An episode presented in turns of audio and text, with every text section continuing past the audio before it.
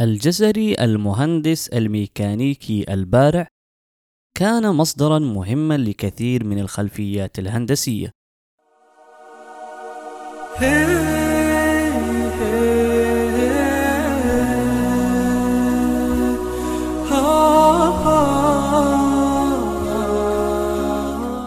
تستمعون الآن إلى نوليدج بودكاست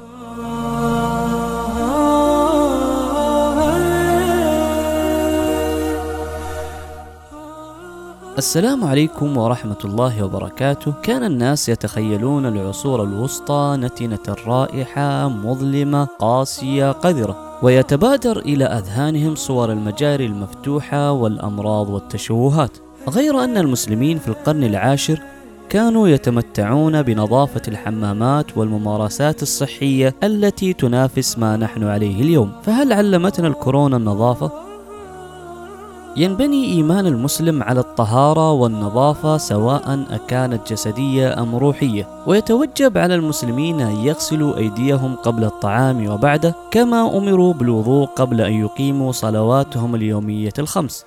وفرض عليهم الاغتسال من الجنابة ويستحب للمسلم أن يغتسل قبل صلاة الجمعة الجامعة. الجزري المهندس الميكانيكي البارع ألف كتابا في مطلع القرن الثالث عشر بعنوان الجامع بين العلم والعمل النافع في صناعة الحيل. عرف أيضا بعنوان آخر هو كتاب في معرفة الحيل الهندسية. وغدا الكتاب مصدرا مهما لمختلف الخلفيات الهندسية. يصف فيها المبتكرات الميكانيكية بما فيها آلات الوضوء. ولنرى كم هي معقدة وفنية هذه القطعة الهندسية العبقرية بالمقارنة مع الصنبور والمغسلة الحديثة. كانت آلة الوضوء تلك متحركة تشبه طاووسا على صينية يؤتى بها إلى الضيف وتوضع أمامه. وعندما ينقر الضيف رأس الطاووس يخرج الماء على ثمان دفعات قصيرة تكفي للوضوء وهذا الأسلوب يحفظ الماء ويقتصد فيه. كان المسلمون يرغبون أن يكونون نظيفين حقا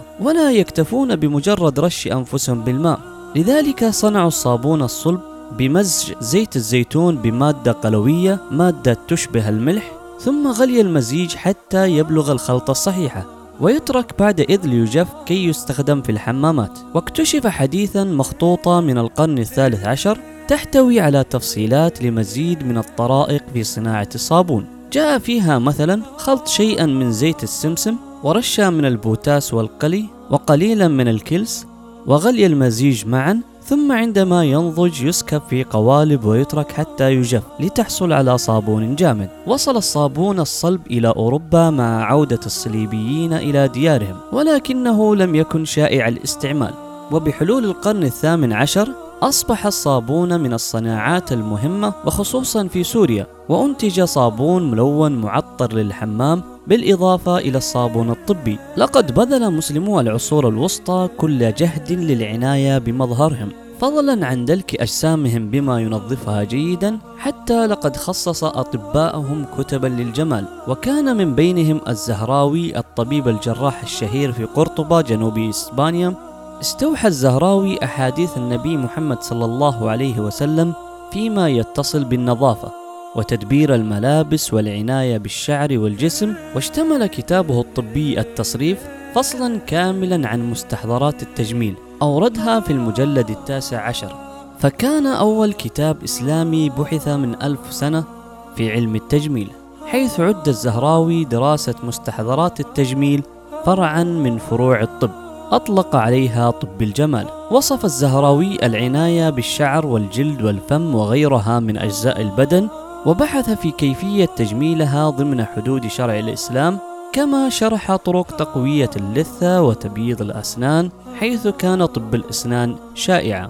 وتضمن الكتاب كذلك مستحضرات متنوعة مثل بخاخات الأنف ومضامض الفم ومراهم الأيدي وهو الذي اقترح حفظ الثياب في مكان مليء بالبخور كي تفوح رائحة ذكية عند ارتدائها. وتوسع الزهراوي في وصف العطور وتحدث عن حاويات صغيرة معطرة مبرومة ومضغوطة في قوالب خاصة أشبه بقوارير مزيل الروائح ذات الرأس الدوار مثل ما هو معروف في أيامنا هذه. كما ذكر أسماء مستحضرات تجميلية كاللواصق المزيلة للشعر وأصباغها التي تحول لونه الأشقر إلى الأسود ومحاليل لتسبيل الشعر الأجعد كما وصف أيضا مراهم لحماية البشرة من لفح الشمس ومكوناتها بالتفصيل والمدهش في الأمر أن ذلك كله كان منذ ألف سنة. وكذلك ألف الكندي المولود في القرن التاسع بالكوفة في العراق كتابه في العطور بعنوان كتاب كيمياء العطر والتصعيدات.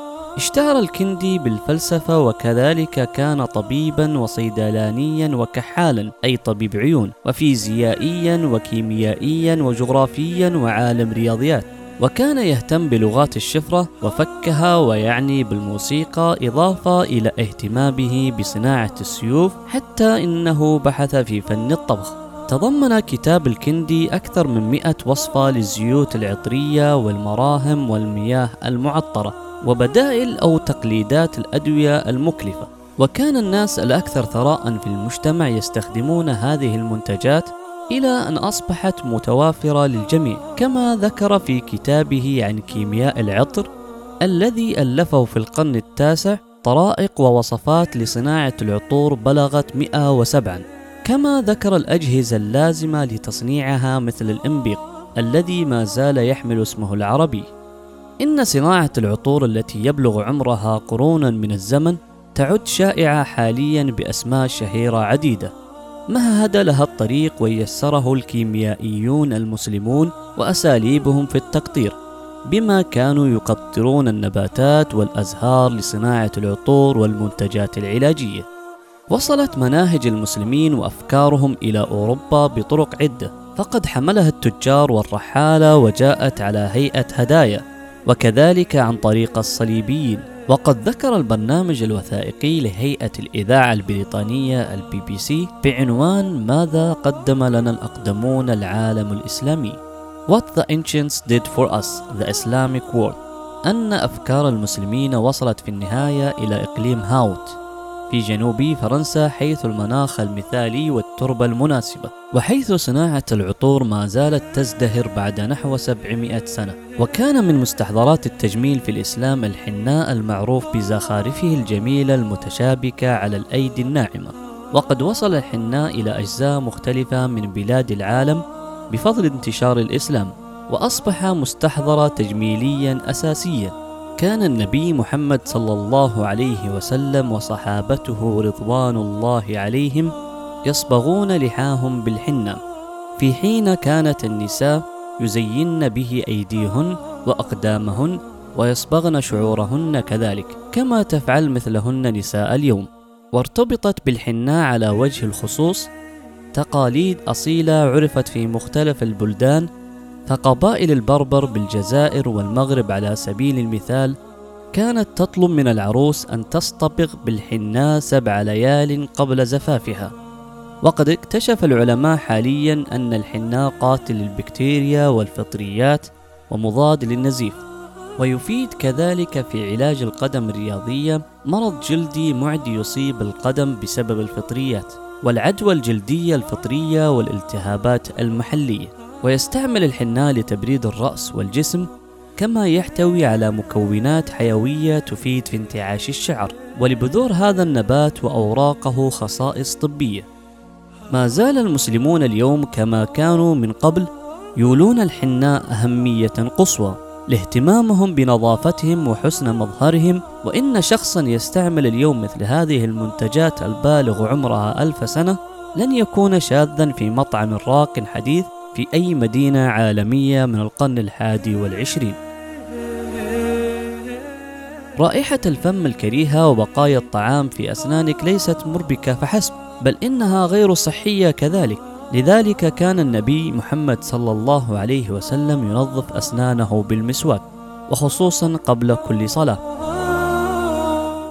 أجرت شركة تصنيع الأدوية السويسرية فاربا بازل إل تي دي تجارب على المسواك فوجدت أن نباته يحتوي على مواد قاتلة للبكتيريا وتقضي على الجراثيم الضارة التي تسبب التهاب اللثة وتسوس الأسنان.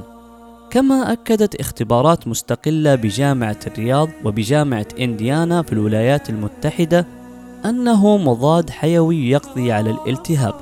وحين لم تكن لتتوافر المساويك للمسلمين فإنهم كانوا يتناولون القرفة وجوزة الطيب وحب الهال ويمضغون أوراق الكزبرة للتخلص من النفس الكريه الذي يسببه تناول البصل أو الثوم.